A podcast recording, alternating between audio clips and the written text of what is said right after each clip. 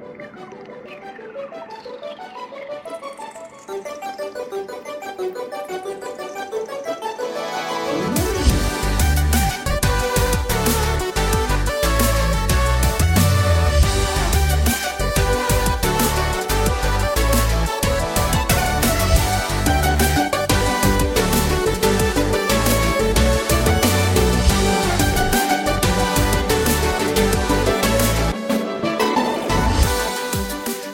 Velkommen tilbake til Sidequest. Eh, Jeg har sagt det mange ganger før, men jeg sier det nok en gang. Denne lavskuldrede podkasten der jeg får med meg venner og bekjente til å snakke om eh, hyggelige ting rundt TV-spill. Og denne gangen så er det hele historien til God of War-serien jeg skal snakke med Erling Rostvåg fra Good Game. Hei.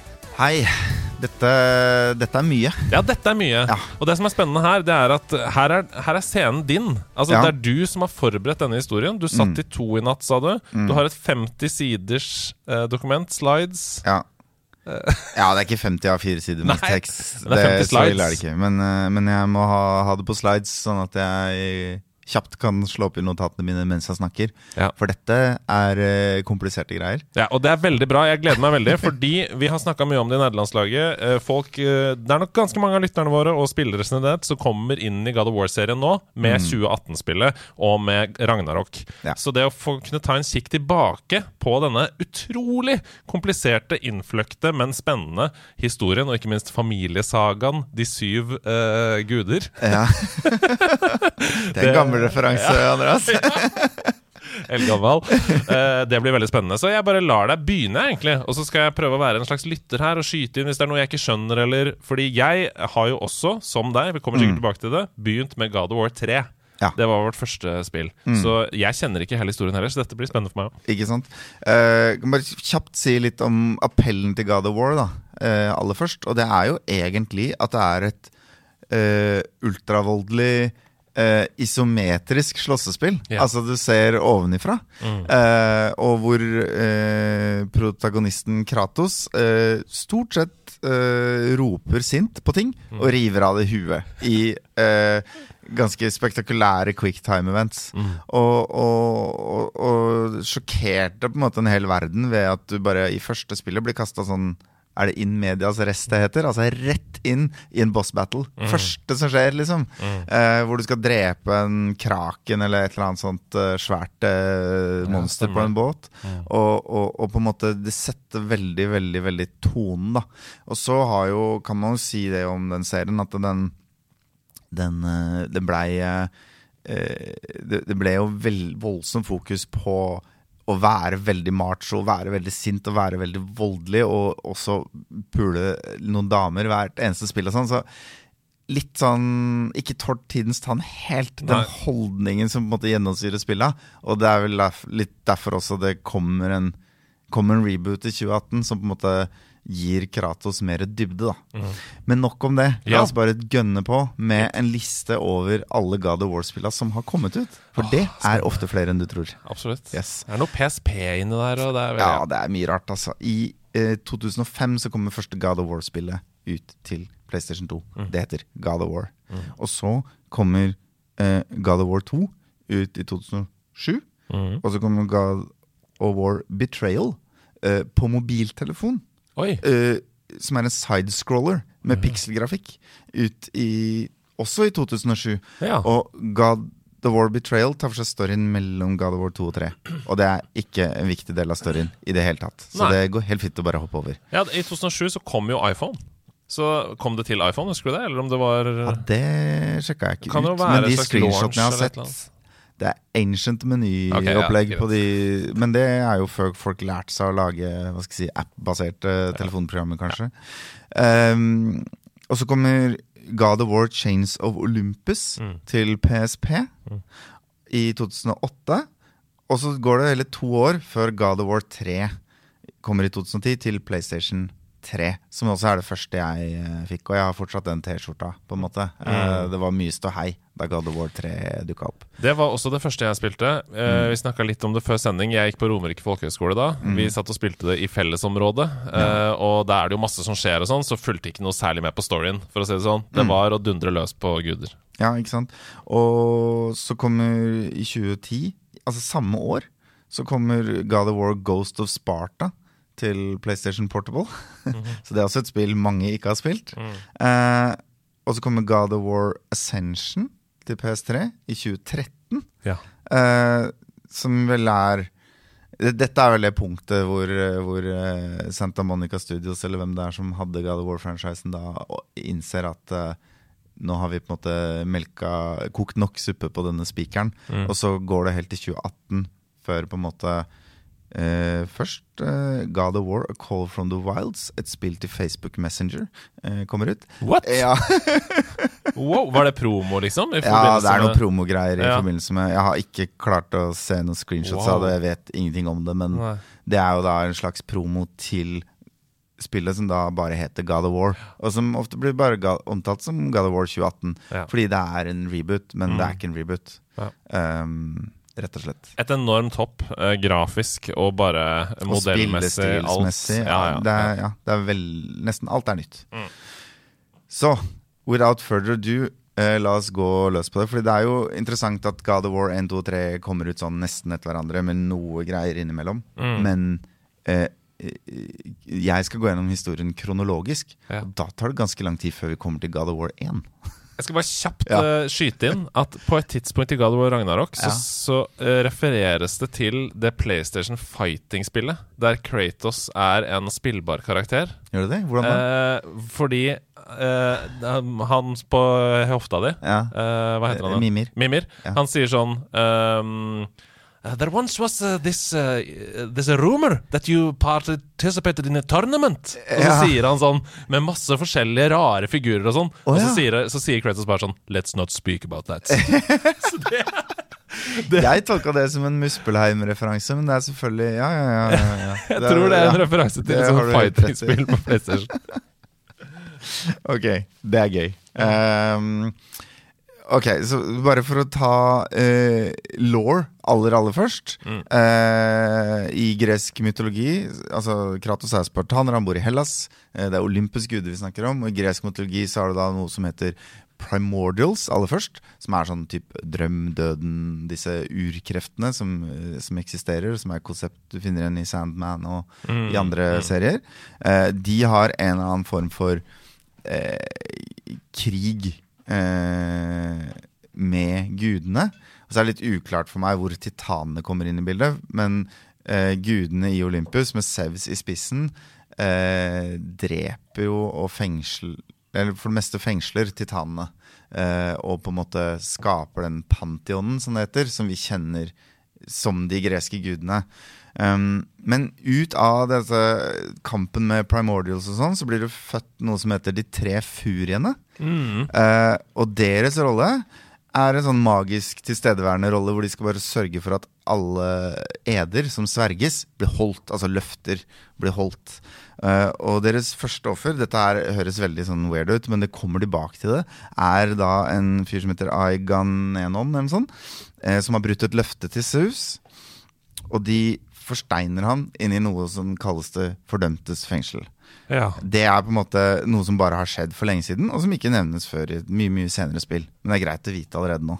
Jeg tror de tre furiene også er med i Mortals Phoenix Rising. Uh, Ja. De er nok en del av gresk mytologi, Av så de vil gå igjen i de fleste spill som, som tar for seg de greiene der. Jeg tenkte jeg bare skulle gi deg litt rom til å drikke vann. Mm. Så ved å skyte inn om de Yes.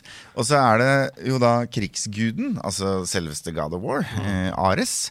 Han henger seg opp i en spådom som sier at en merket kriger, altså branded warrior, eh, skal kunne styrte Olympus eller Sevs. Det er litt sånn uklart, eh, virker som spillene sier litt sånn om hverandre, eh, hva det er som faktisk er spådommen. Men for Ares så er dette en mulighet til å orkestrere et maktskifte. Ja, og disse profetiene, det er jo på en måte Det er veldig gjennomgangstema i Ja. de aller fleste God of War-spillene. Ikke sant? Um, så det han gjør, er at han eh, ordner litt sånn i bakgrunnen, og så får han disse furiene til å kjøre en beleiring mot Mount Olympus. Og så får han et barn med furiedronningen Alekto, som eh, han da håper skal på en måte skape denne krigeren. Mm. Som skal kunne Altså, han forsøker å oppfylle spådommen sjøl, da. Mm. Um, men denne krigeren viser seg å være en eh, svekling. Eh, det er ikke en kriger i det hele tatt, dette barnet. Han heter Orkos. Og Aris øh, kaster et blikk på han, og han er ikke dad of the year, for å si det sånn. Han, han, han øh, avviser sin sønn, som da blir tatt vare på av moren og furiene, og får på en måte en rolle som en såkalt oath-keeper. Ja. Og dette er veldig Altså, det er jo eh, sikkert i original gresk mytologi mye mer eh, teoretisk, men i God of War-universet veldig, veldig konkret. Han tar eh, små eh, Det ser ut som sånne raveklumper som er på en måte eh, eder, da. Altså løfter gitt. Og så trøkker dem inn i sin egen kropp og tar liksom vare på dem der. Og på den måten binder folk til sine løfter. da Jeg Det er syns- hans rolle oppi dette. Jeg syns når mytologi blir så konkret, så syns jeg det er så digg. Mm. I både religion og, og mytologi. Uh, når det er sånn Ja, sånn som det, da. Det eksempelet der. Ja. Det liker jeg godt. Um, Sevs har jo også hørt om spådommen som sier at hans død skal forårsakes av en merket kriger. Ikke sant? Um, så, og han er jo ikke klar over at Ares plotter mot han. Så han sender Ares og Athene, eh, sine to barn, da, eh, ut for å finne en eh, spartansk gutt som heter Deimos. Og dette er handlingen i spillet Ghost of Sparta. Ja. Altså PSP-spillet som kommer ut etter God of War 2 eller noe sånt. Så det kan trygt si, eh, kan jeg bare si allerede nå, at hvis du spiller liksom God of War 1, 2, 3 etter hverandre, så henger det sånn greit på greip, men det er mengder retconning i dette universet. ja. Man har i etterkant kommet og fortalt hva som har løpt opp til disse situasjonene som man står i i hovedspillet, da, skal vi kalle det. Både uh, Chains of Olympus og Ghost of Sparta mm. fikk ni av ti på gamer.no. Ja, ikke sant? Mm. Så gode det er spill. jo. Åpenbart. Mm. Mm. Um, men er, altså, Deimos er da en spartaner vi har, eh, som mange kanskje kjenner til fra filmen 300, f.eks. eksempel Så er jo spartaneren er jo en slags krigerklasse, eller krigersamfunn. Beinhard oppdragelse, og alt er militært, og brødrene slåss for å bli sterkere, og det er juling hele dagen og sånn. Men, eh, men Deimos har da noen sånne fødselsmerker over kroppen som er ganske sånn fremtredende. Og dette gjør jo at uh, Sevs er ganske sikker på at Deimos er på en måte mannen som skal styrte ham. Ja. Eh, så Ares kidnapper eh, Deimos. Eh, men storebroren til Deimos, som er der når det skjer, eh, kaster seg i raseri mot Ares og blir feid til side med en lillefinger omtrent. Eh, men dette er jo da Kratos. Ja. Hovedpersonen i God of War-spillene. Og Ares merker seg raseriet i blikket hans. Merker seg et potensial for en stor kriger og holder øye med Kratos pga. denne hendelsen. Eh, så det arret Kratos har over høyre øye, det er fordi Ares slår han i trynet som barn. Og den cutscenen, den har jeg sett på Mm. Ja. Mm. YouTube i ettertid. Eh, for jeg begynte også å se litt på Ja. bare sånn Fordi den historien er fascinerende. Ja, Og Ares har jo eh, Aller først så har han jo planer om å drepe Kratos. Mm. Men Athene er litt sånn Nei, nei, vi kom ut med ett oppdrag. Vi skal ikke spille uskyldig blod. Bla, bla, bla, bla, bla, og lar Kratos leve. Og gudene skal vite at det kommer de til å angre på seinere. Oh no! Eh, Deimos blir jo tatt med til Thanatos, dødsguden. Og her er det viktig å skjønne at i gresk mytologi så har du en eh, dødens gud, og så har du de dødes gud. Ja. Så dødens gud, en slags, han er en av de primordials, det er Thanatos. Og så har du de dødes gud, som tar seg av alle sjelene ja. og torturerer først- dem og sånn. Når det først er kjørt. ja, da- sånn vi husker djevelen, på en måte. Eh, det er Hades. Så Thanatos er nok nærmere mann med ljåen, da. ja. Eh, han tar liksom eh, Han, han, han får oppdrag å passe på Deimos, og torturerer han i et fengsel nede i Tartarus, som er underverden. Eh, rett og slett for å hindre profetien i å fullbyrdes, da. ja. Um, Jeg har alltid vært så fascinert av hele det eh, gresk mytologi sitt forhold til død. Altså Ja. med Fergemannen, Styx og alt Ja, sånne ja, ting. ja. Vi, ja, vi kommer tilbake til det. vi kommer tilbake til det, men eh, Kratios eh, er jo ikke klar over Han er helt sikker på at Deimos er død. Eh, og det er jo du som spiller også på dette punktet. Jeg leser opp dette her som om vi veit alt hele tiden. Men det er jo masse sånne der reveals og sånn underveis, selvfølgelig. Eh, så det han gjør, da, han, for å liksom huske sviket Eller at han ikke lyktes i å forsvare broren, han tatoverer da røde streker over egen kropp for å matche fødselsmerkene til eh, broren. Og det er jo her vi skjønner at det, er jo Kratos som er den merkede krigeren.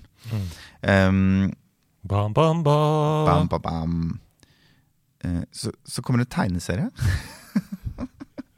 Det er veldig jeg, Men det, det liker jeg også Ja. godt. At de, at de tør å på en måte uh, utforske andre kulturuttrykk. da For Mm. sånn som Overwatch bruker jo også uh, tegneserier, anime og ikke minst cutscenes og forskjellige uh, kulturuttrykk for å bygge ut universet sitt. Og det gjør det mer levende. Ja, ja, ja. Og den tegneserien er selvfølgelig laga mange år, ikke nødvendigvis etterpå, men sånn mot slutten av de originale spillene. Men den handler basically om Kratos sin vei oppover i systemet, og hvordan han blir eh, kaptein i den spartanske hæren. Mm. for det som skjer, er at um, hans eh, datter Han har jo da møtt en vakker kone. eh, Og hans datter Kaliope hun blir syk på en måte som gjør henne misformet. Dette gjør jo at eh, spartanerne har planer om å kaste henne ut fra en klippe, for det, det er jo sånn de gjør det, liksom. Uh, og så viser det seg jo da at eh, Altså, han får tips om at det er noe som heter ambrosia, som er sånn vidundermiddel fra gresk mytologi som kan helbrede henne, og dermed også redde livet hennes.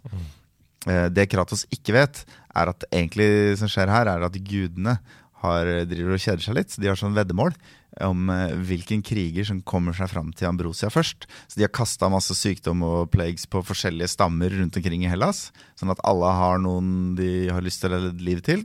Og så tipser de dem om at Ambrosia fins, og så setter de penger på hvem som kommer fram først. Eh, Nok en gang, altså, jeg må bare skyte inn, fordi jeg har nettopp lagd dypdykk om Immortals Phoenix Rising. ja. Og måten du får HP i det spillet på, Ja. Mm. sånn som Breath of the Wild, så mm. gjør du ting for å få HP, ting for å få stamina. Måten for å få HP i, i Immortals er å finne Ambrosia, Mm. Ja. som er på vanskelige steder å komme til. Ikke sant? Det er det samme! Ja, det er det samme. Ja, det er interessant! Eh, Ares eh, her, krigsguden, han har satt penga sine på Kratos. Og Kratos eh, slakter seg vei eh, gjennom andre hærer og horder, og klarer til slutt å helbrede datteren. Og for den bragden så blir han da utnevnt til kaptein i den spartanske hæren. Det er kanskje greit å få med seg eh, at han også da på dette punktet dreper en barbar... Nei, han dreper ikke, men han slår en barbarkonge som heter Alrik.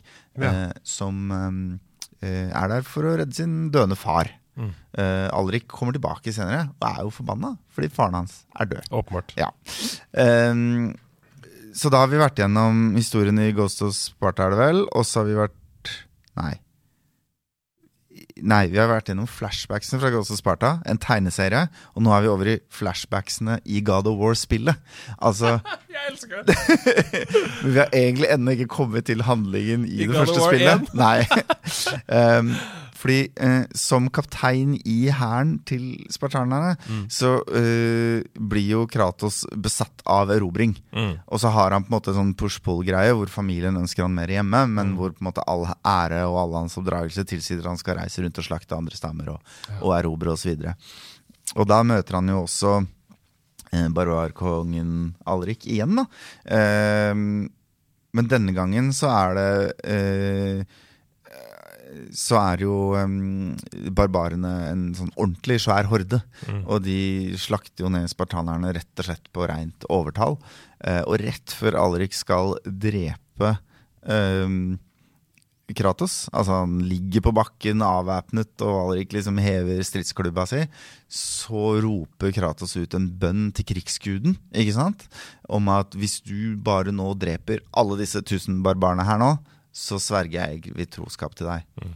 Og det gjør jo sikkert folk hele tida. Men husk på at Kratos er jo en kriger som Ares har sett potensialet sitt i, satt penga sine på tidligere. Ikke sant? Han har uh, Dette er en, uh, en deal for too good to miss, på en måte. Så han gjør det. Krigsguden bare dukker opp, brenner opp liksom en hel hær og sier til Kratos ja, nå er du min tjener. Um, og han har nok en baktanke her om at han kanskje kan bruke Kratos til å styrte Saus på et eller annet punkt. da. Og da brennmerker han Kratos.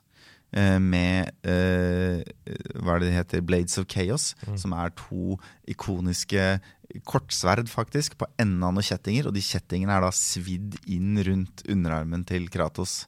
Eh, og brander han på en måte for alltid. Pluss at de henger fast inn, da. Um, Ja, det Ja, gjør det jo litt eh, Det er en liten spoiler for 2018, men det er mange år siden nå. Ja. Det gjør det jo litt urealistisk at man finner Blaze of Chaos. Nei, men de, 2018-spillet? dette skal jeg forklare, Deilig. faktisk. Men, men uh, Kratos har jo i starten av 2018-spillet uh, svimerker, altså Ja, sår, stemmer. Etter kjettinger rundt underarmen, som han skjuler med bandasje, så at sønnen hans ikke skal stille spørsmål om det og få vite om fortiden hans. Stem. Så dette har de tenkt på. Ja, det hadde jeg glemt. Mm. Ja, fortsett. Ja. Eh, Kratos reiser rundt i verden, dreper tusenvis av mennesker på oppdrag fra Ares, sprer krig og kaos, ofrer sin egen menneskelighet sakte, men sikkert mens han slakter uskyldige, og det er selvfølgelig hele planen. Jo mindre menneskelig du er, jo mer puppet er du, og det er, passer Ares bra. Og som et siste støt da, for å evig binde Kratos til seg, så sender Ares han for å slakte en landsby med folk som tilbyr Athene, altså søsteren. Dette er jo en sånn måte gudene frarøver hverandre makt på også, ikke sant? Ved å Uh, jevne hverandres templer med jorda og sånn. Så en del av et indre maktspill. Og dette ser vi jo i alle faser av samfunnet. Mm. Ja. Supporterklubber eh, i fotball. ja. jo, jo mindre den andre supporterklubben er, altså jo Ja. færre som følger, Ja, jo mindre makt har man på stadion. Ikke det er sant? jo sånn det ja. er, liksom. Og til og med også opp mot NFF, for den saks skyld. Eh, og uh, Han slakter seg gjennom en landsby, og så er han på vei inn i tempelet til Athene. Og Der møter han på et orakel som sier at hvis du går videre nå, så er det mørke ting som vil møte deg. Kratos eh, overhører selvfølgelig dette, for han er en uh, blind general som bare skal gjøre jobben sin, og slakter alle inne i tempelet. Mm. Men i blodtåka så dreper han altså sin egen kone og datter. Mm. Ares har nemlig fraktet dem dit i skjul. Nettopp for at Kratos skal gjøre det her. Fordi han ser at dette er det siste som på en måte binder han til hans menneskelighet.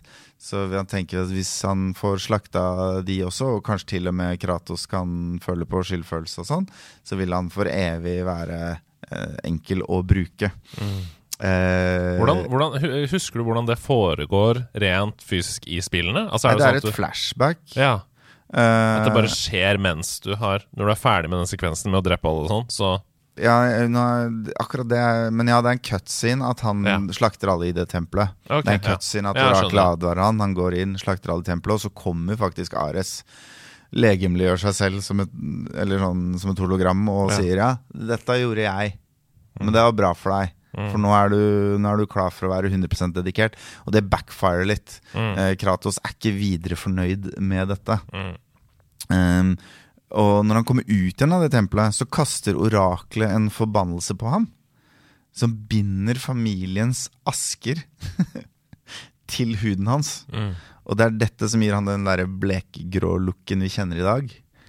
Og kallenavnet Ghost of Sparta. Så har er Kratos en merket person på to måter. Både Mm. med tattisen sin, og med at familiens asker ligger for evig klistret til huden hans. Um, Det er kjipt, ass. Hvis du har drept din egen familie, så blir du dømt til å også Altså etter kremeringen, Ja. så må du da lime asken. Nå tror jeg drapet og kremeringen var på en måte samme prosess Mm. i denne sammenhengen her. Sånn my- mye av greia, men ja. Ehm, så kommer vi til spillet God of War Ascension. Ja. Ja, For det handler om at Kratos bryter da sin ed, ikke sant? Og sverger hevn mot Ares. Nekter å være lojal lenger. Og dette gjør jo at disse furiene, som har som eneste oppgave å opprettholde eder, i hvert fall eder overfor guder og sånn, eh, de oppsøker han og torturerer ham med en sånn uendelig rekke illusjoner og vonde drømmer. Og, og mye av det handler jo om at familien hans lider og sånn. Mm. Ehm, men Orkos, denne eh, sønnen av eh, Ares, som egentlig er en oathkeeper, men som på en måte føler at premissene for denne eden er litt urettferdige, da. ja. Uh, han uh, syns synd på Kratos og hjelper han å komme seg ut av på en måte, sitt eget mindspace og sine egne mareritt. Um, og så peker han Kratos i retning oraklet i Delphi, som jo også sikkert er i Phoenix Rising. Ja, det, er, det er jo i mange spill, da. Ja, ikke sant? Mm.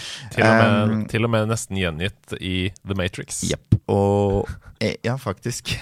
og eneste måten å komme seg fri fra Eden på, ifølge henne, er å drepe de tre furiene som på en måte opprettholder Eden. Mm. Uh, og Orkos forteller også Kratos om at Ares har en plan om å ta tronen til Sevs, da. Så nå er faktisk Kratos in the know. Ja.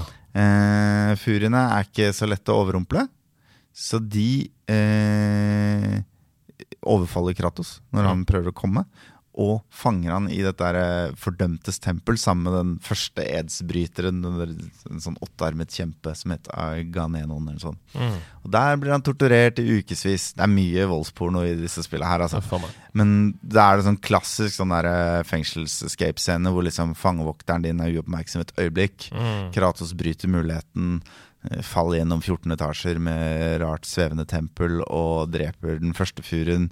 Drar videre til en annen furu, dreper henne og kommer seg til slutt eh, inn til furudronninga, da.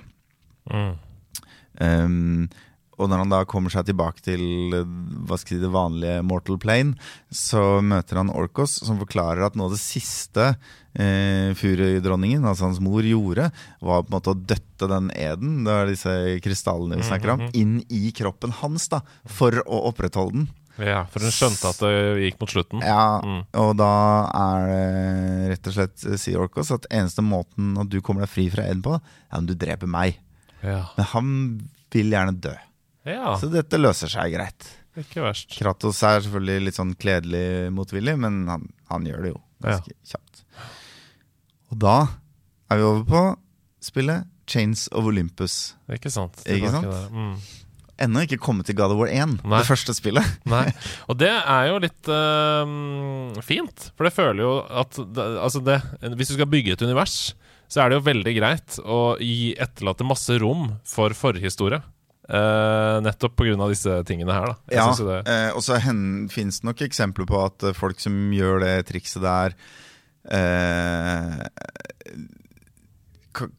ka- Kanskje til en viss grad uh, går i den der fella med å liksom bare prøve å begrunne alt. Som Ja. i utgangspunktet var litt teit. Ja. Og tidvis så gjør nok God of War det, men egentlig så gjør de en ganske god jobb med å skape et helhetlig univers, syns jeg. Ja, Hvis du tenker på 'Ringenes herre', eksempel Det begynner med 111-årsdagen til uh, Bilbo. Ja. Det er liksom uh, Det er ganske mye som har skjedd før, uh, før da. Ja, Star Wars episode fire. for eksempel. Ja, det er masse, masse eksempler på dette. Ja. Um, men i Chains of Olympus så bestemmer da Kratos seg for å jobbe for gudene. Delvis litt sånn på trass, altså for å ikke jobbe for Ares.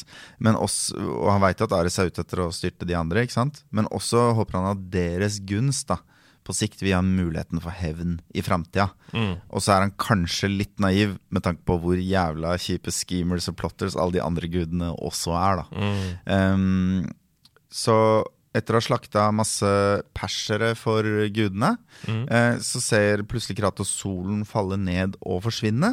Ja. Og blir fortalt da i et tempel av Athene at solguden Helios, han som rir rundt på himmelhvelvingen med flammende hester eh, og drar solen i bane i gresk mytologi, han er da fanget av drømmeguden Morpheus, eller en av disse primordialsene.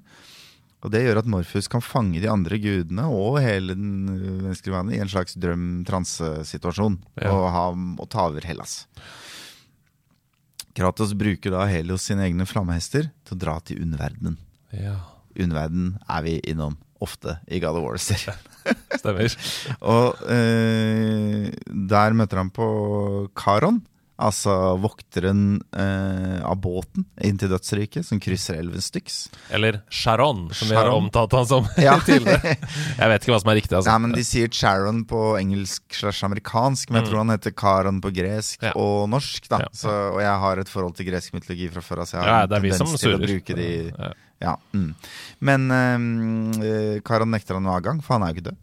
Det er jo bare døde som slipper inn der. Mm. Og så gjør jo Kratos Han er jo en hammer som ser alle problemer som spiker, så han prøver å slåss med Karon. Blir slått til svime og kasta ned i Tartarus, som er liksom torturdelen av helvete. Mm. Um, og dette er jo også der flere av titanene sitter fanget. da. Disse eh, titanene er jo sånne svære sånne der, store som fjell, kjemper som representerer forskjellige elementer. Og så på en måte har på et eller annet punkt født Sevs og de andre gudene. Eh, eller i hvert fall brødrene til Sevs. Og, um, og som på en måte dagens Olympen har da bekjempet disse og fanget disse. Eh, ja, De dukker jo opp i Disney-filmen Hercules, f.eks. Ja. Um, og i underverdenen så oppdager han da at Atlas, en av disse titanene, han er ikke der. Altså, lenkene hans er der, men de er brutt, og han er borte. Eh, og han vurderer muligheten for å kanskje bruke Atlas i et plott for å styrte Ares, ikke sant? Eh, han klatrer seg ut av underverdenen, utfordrer Karon igjen. Banker han denne gangen, tar Karons ferge over elven Styx, og der begynner han å se illusjoner av sin egen datter. Eh, nå er han jo dødsrike. ikke sant? Altså, da glemmer han jo alt han holder på med, og løper etter henne. Uh, og det viser seg jo da isteden å være Persefone, underverdenens dronning. Um, mest kjent for å egentlig være Fader, ja. Han er en eller annen sånn legendarisk uh, trubadur, bard, i gresk mytologi, som egentlig er gift med Persefone, tror jeg. Ja. Han prøver å redde henne fra dødsriket, men Ja. klarer det ikke. Så hun er jo på en måte tvunget gift med Hades, uh, og stuck der nede som en slags prinsesse og dronning. Hun tilbyr ham å møte datteren i Elysium, og Elysium er jo himmelen, mens nå er vi jo i helvete. På en måte. Elysium er sånn sted hvor man ligger og eter drueklaser på divaner i gresk mytologi. Um, og måten han får lov å møte henne i Elysium på, det er ved å ofre sine krefter og våpen gitt ham av gudene. Så han blir på en måte en vanlig dødelig igjen. Uh, og det funker. Ja. Han får være med datteren sin i Elysium og sitte og klemme på henne i en gressplen. Og ting virker fett. Flaks. Ja, Men så viser det seg jo at dette er jo en del av et større plott. Persefone er jo den eh, Hun er jo bitter og sur fordi hun er fanga som koden til basically djevelen. Eh, og det er også hun og Atlas som har liksom orkestrert kidnappingen av solguden Helios. Og hun har sluppet fri titanen Atlas for at han skal knuse en av søylene som holder verden oppe. Ja. Verdenen i gresk mytologi er jo en skive Ja. som holdes oppe av søyler, og så er liksom flere lag av helvete under. Mm. Og dette vil føre til at alle dør. Altså vil føre til at eh, alt kollapser, og liksom til og med Elysium faller ned på eh, hva skal jeg si, det dødelige riket, som Ja. igjen faller ned på Underverdenen. Og Og til og med sjelene blir døde. Mm. Så Kratos finner ut at han, han, han orker ikke å være vitne til at sin datter dør en gang til. Eh, så han forlater henne. Mens hun bare 'nei, ikke gå, pappa'. Og så tar han tilbake gudekreftene sine og drar av gårde eh, for å forsøke å stoppe Persefone fra å ødelegge verden. Da. Eh, Det er jo nobelt, da. Altså, selv om eh, selv om er jo, motivasjonen motivasjonen er jo litt sånn Ego. Dette klarer jeg ikke, dette håndterer jeg ikke. Nei, så handler det om å altså selv om, Ja, som sagt, selv Ja. om det er motivasjonen, så handler det om å uh, the greater good, på en Ja. måte. Mm. Ja, Han har jo valg mellom pest og kolera her. Mm. Altså Aldri se datteren sin igjen, eller se henne i 20 minutter til, og så se henne dø smertefullt. Mm. Det er på en måte valgene hans. Ja. Um, Atlas, titanen, blander seg i kampen, og Kratos uh, bekjemper han da ved å rett og slett lenke ham fast opp under hva skal jeg si, skiven som er uh, Hellas, eller verden. Um, og så bekjemper han Persefone, men hun gjør som de gamle spillbossene gjorde på Super Nintendo. Hun eksploderer når hun dør. Selvfølgelig. ja. Og det ødelegger faktisk søylen som holder verden oppe. No! Men Atlas står jo der nå, lenka til verden. Ja. Og dette, så dette betyr jo at i, i, i de gamle eh, gresk mytologi altså, så er jo Atlas alltid avbildet som en fyr som står og holder en globus. For han er jo guden som holder verden oppe. Men dette er jo da fordi Kratos plasserte han der. Ehm, og så frigjør han uh, Helios. Så nå er Atlas det eneste som står mellom verden og dens ødeleggelse. Men han klarer ikke å gå noe sted heller. Nei. Så han er stuck der til evig tid. Og så, Andreas, ja. så kommer vi til God of War. Å, yes! Endelig er vi i God of War 1. Yeah! 2005. Ja. Ehm, Kratos Det starter Dette sa jeg jo at det er veldig sånn in medias res. Det starter med at Kratos har fått oppdrag av gudene å drepe en hydra. Slik at uh, sjøfart blir litt tryggere igjen. For det er en sånn grei i gressmytologi. Det er stadig noen monstre som er ute og gjør ting farlig og vanskelig. Og sprer pest og storm og forskjellige sånne greier. Mm. Så han skal drepe en hydra. Uh, og etter dette så kommer Athene til ham og ber om hjelp til å redde byen Aten, som jo da åpenbart er det viktigste setet for hennes eh, tilbedelse. Hun er jo krigsgudinnen. Um, men nå har Ares slutta å vente på spådommen, slutta å late som, og gått å- til åpen krig mot de andre gudene. Mm. Begynt å sette tannhjulene i bevegelse sjøl. Yes. Og uten å skjule det. Mm. Ikke sant? Eh, og Kratos tenker sånn Hei, jeg får hjelp av en gud til å drepe han fyren jeg har sverga hevn mot for alltid. Mm. Dette er jo interessant, fordi på dette punktet så du som spiller, vet ingenting om hvorfor du er interessert i å drepe krigsguden, men hei, du bare får det oppdraget, og så løper du av gårde. Og så er det noen flashbacks som forklarer det seinere. Um, så han inngår en deal da med Athene om at han skal få løfte om å fjerne marerittene som hånter han. Og det er jo blant annet sånn mareritt av datteren som sitter og spiller fløyte og sånn. mm. liksom plager han. Eh, og at han kan få frelse i døden. Ja. Fordi da kommer han til Elysium, hvor jo familien hans er. ikke sant? Han har gjort ganske mye fælt i sin levetid, så han er jo utgangspunktet ikke en kandidat for Nei. himmelen. Det ser dårlig ut, ja. Ja. Kommer ikke på topp ti-lista vår foreløpig over Ja. gode foresatte. Så ble han uh, fortalt at måten å drepe en gud på, det er å bruke Pandoras boks. Ja. Og den er gjemt i et tempel, som er designa for å være utilgjengelig, og som er på ryggen til titanen Kronos, som er dømt til å vandre rundt i, i ørkenen i evig tid. Um, Kratos finner veien dit. Der møter han en mystisk gammel eh, mann som, heter, som bare er, refereres til som graveren, eller The Grave Digger. Mm. Uh, men han er det spekulert ganske heavy om er liksom Sevs i Forkledning, da. Ja, ja, ja. Ehm, Men rett før Kratos da får tak i Pandoras boks, så skjønner Ares hva som er i ferd med å skje, og kaster da en søyle, altså sånn som holder et hus oppe, eh, som et spyd tvers over Hellas, og spidder Kratos. Og så kommer det noen sånne der harpies og plukker opp den kista og tar den med til Ares, som da fester den til sitt eget bryst og har planer om å bruke den for å slåss mot de andre gudene. Ehm, Kratos dør jo. Mhm. Havner nok en gang i underverdenen, i Hades. Men uh, veien ut er ganske kjapp denne gangen, for denne graveren da, som står og graver en grav, han har liksom gravd en grav helt ned, han. Så han bare kaster ned et tau i den graven og drar Kratos opp igjen uh, fra underverdenen.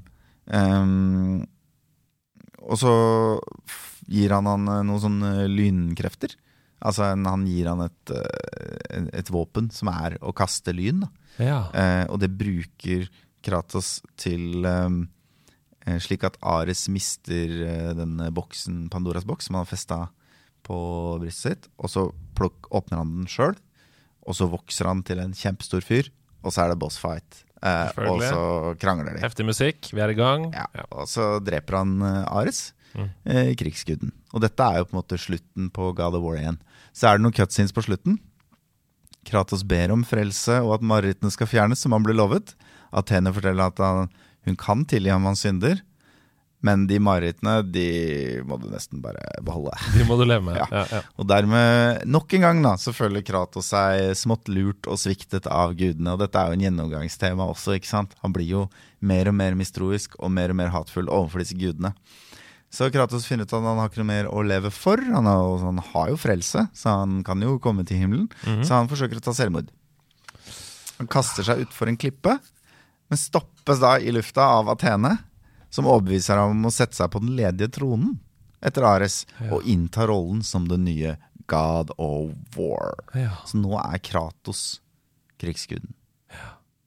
Tenk på det. Og det er slutten på God of War. Og dette er, du hører jo på den storyen. Dette er jo et spill som er laga for å stå seg aleine. Mm. Ikke sant? Altså, det er noe litt ullen motivasjon for å ikke like Ares. Uh, Du bekjemper krigsguden, blir krigsguden. Ja. Vi kaller spillet krigsguden. Uh, story slutt. Helt Også, åpenbar start, midte, slutt, Ja, ja. Og, og en konklusjon som man kan leve godt med som spiller. Liksom. Sånn? Mm. Takk for det. Dere. Og så selger du masse, og så lager vi flere spill. Ja. ja, og det, men det virker jo også som det er skapt av noen som har en ekte kjærlighet for ikke minst eh, historien, altså Mm. den greske mytologien, og eh, elsker å lage dette spillet. Så det kan godt hende at de allerede da, selv om dette skulle være en eh, hva skal jeg si, fullført story, så hadde Ja. nok de tanker om mer i universet. Det tror jeg, ass.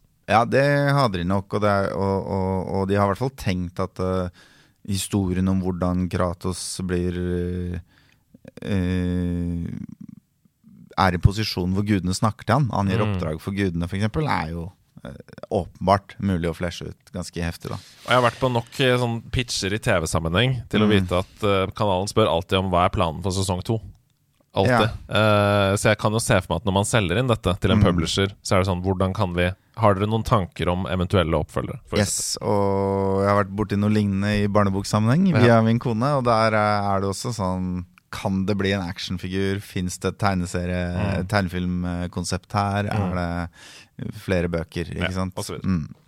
Uh, er det en franchise? Ja, Egentlig egentlig ja. Um, Ghost of Sparta, Mm. spillet, ha, tror man jo kanskje handler om Kratos, ikke sant? som har kallenavnet Ghost of Sparta, fordi han er en blek kriger som flyr rundt og slakter folk. Mm. Eh, men det spillet starter med at han sitter og surmuler på denne tronen, da. Mm. Og så ser han syner av sin døende mor, som ber han komme, for han har noe viktig å si.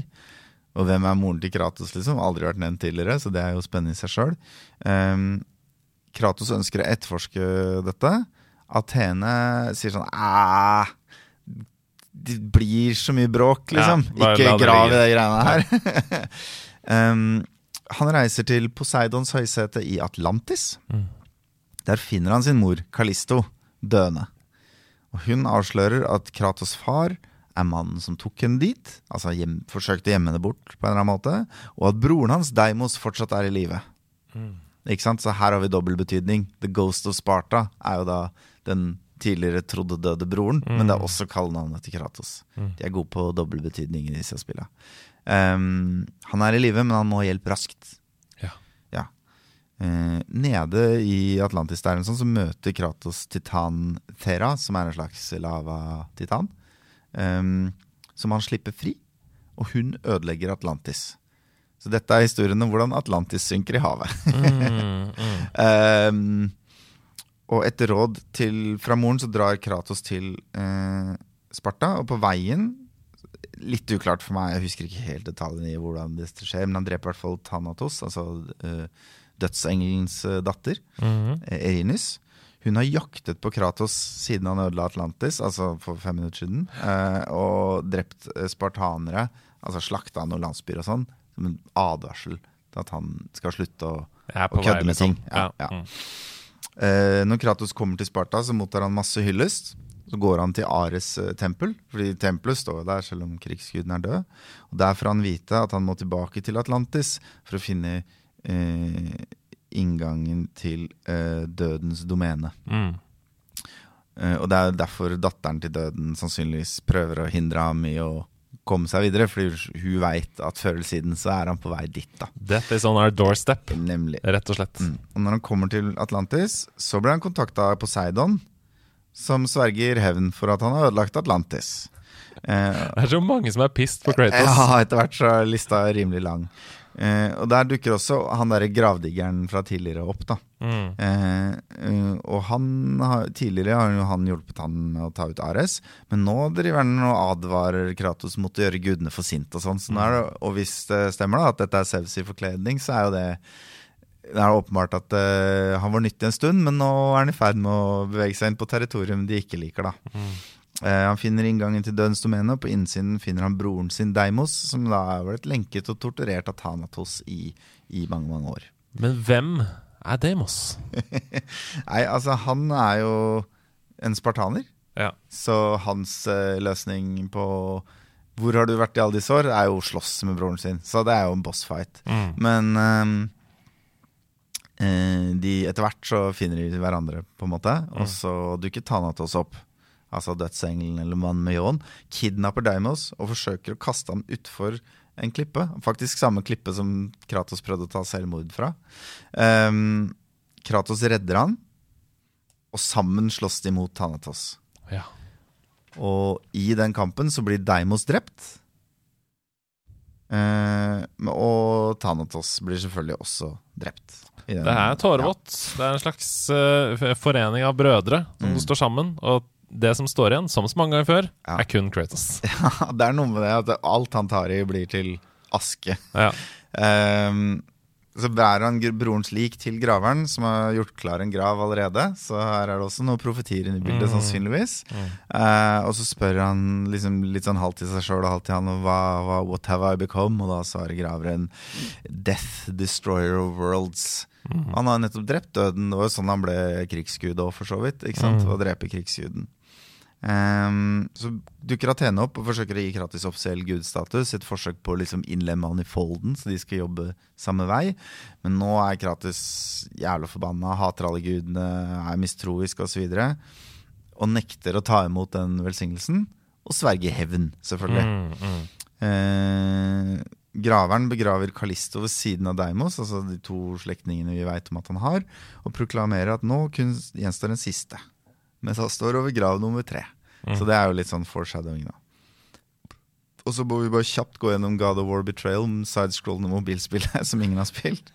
Der skjer det ikke så mye, bare at Kratos liksom Det er jo en sidescroller, så han slakter veldig mye, lager gjerne mye støy, og jager en hemmelig assassin, og ender opp med å slåss med broren til Hermes eller noe sånt. Ja.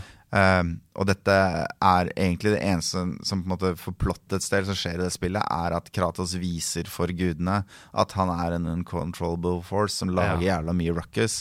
Og dette spiller på en måte opp til handlingen i God of War 2. ja. Så det er liksom sånn Han her må vi gjøre noe med. Det er det de tenker. Ikke sant? Det Kratos ikke er klar over, og ikke spilleren heller, for den saks skyld, eh, er at eh, da han åpna Pandoras boks, eh, som jo var fylt med all verdens ondskap eh, Intet mindre. Ja. Så har dette sluppet løs og infisert gudene Mm. i Olympen. Sånn at de har hatt en karakterutvikling, riktignok ikke ut av personlig utvikling, men ut fra liksom, hva skal jeg si, uh, the dark side, som har Mm, kommet mm. og korrumpert dem. Um, og gjort dem mer grådige etter makt og hakket mer parano- paranoide. Og dette er også grunnen til at de bestemmer seg for at Kratos må stoppes, da, på en måte. Ja. Fordi de begynner å frykte for sin egen makt, de begynner å frykte for at spådommen kanskje har noe med han å gjøre, osv., osv. Eh, og det skal jo vise seg at det er jo mye av grunnen til at spådommen oppfylles, er jo fordi man prøver å stoppe den. Som i så mange sånne fortellinger. da. Mm. Um, nå har jo Kratos omfavna rollen som krigsgud og begynte å legge Hellas under seg med sin egen hær, med spartanere. Eh, og Athene ber Kratos om å stoppe, fordi han lager jo De er jo der litt til for eh, folket også, ikke bare for seg sjøl. men han nekter å høre. Så kommer han til Rådos.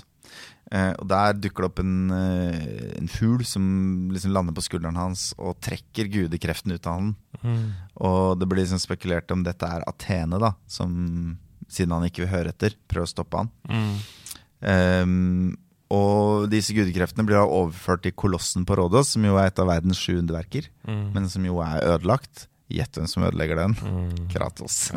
Så da sånn- blir det en sånn bossfight med en kjempestor statue da, som prøver å drepe Kratos. Ikke sant? En fugl i forkledning er også gjennomgangstema i God of War. Det skjer flere Ja, det er sant det. sant Mm. det, sant det. Um, så dukker Sevs opp, da, mens denne statuen herjer. Og så er det sånn Her, ta The Blade of Olympus. Det er det jeg brukte til å bekjempe titanen i sin tid. Um, du må bare liksom holde i det, og så tapper du deg for det siste av dine gudekrefter. Men til gjengjeld får du et sverd som da er i stand til å slakte denne denne kolossen. Ehm, og så kjemper han mot kolossen, eh, faller ned fra den, mister sverdet, og når han går for å plukke det opp for å prøve å få kreftene sine tilbake, sånn, så står Zeus der og bare Ha! Dette var bare triks, for det var jeg som var fuglen, og alt sånn. Så hele greia er bare for å lure Kratos til å gjøre seg sjøl dødelig, sånn at Zeus kan eh, drepe han, rett og slett. Og forhindre profetien Eller stagge Sevs egen paranoia er vel en, en grei oppsummering av det. Og Sevs dreper Kratos. Um, Rett og slett. Ja. Og da Men- tror man at det er Hva tror man da, som spiller? Liksom? Nei, det er jo ganske tidlig i spillet, så det er jo litt sånn This can't be it. Og så er det jo sånn i den greske mytologien, i hvert fall i God of War-versjonen av den, at man, man Det er litt sånn weird. Noen ganger så blir folk til spøkelser, og noen ganger så bare faller de fysisk ned i dødsriket og kan klatre ut igjen. Det er jo litt sånn forskjellig. Så denne gangen så dukker titanen Gaia opp, da. Ja.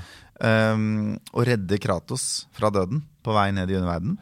Og hun forteller han at Kronos, Sevses far, spiste sine sønner i et forsøk på å forhindre en spådom om at han skulle bli drept av sine egne barn. Og at moren da reddet Sevs ved å fòre Kronos en stein isteden, eh, inntullet i et teppe, og, og gjemte ham på Gaia, som jo er svær som et fjell og en frodig øy på den tida.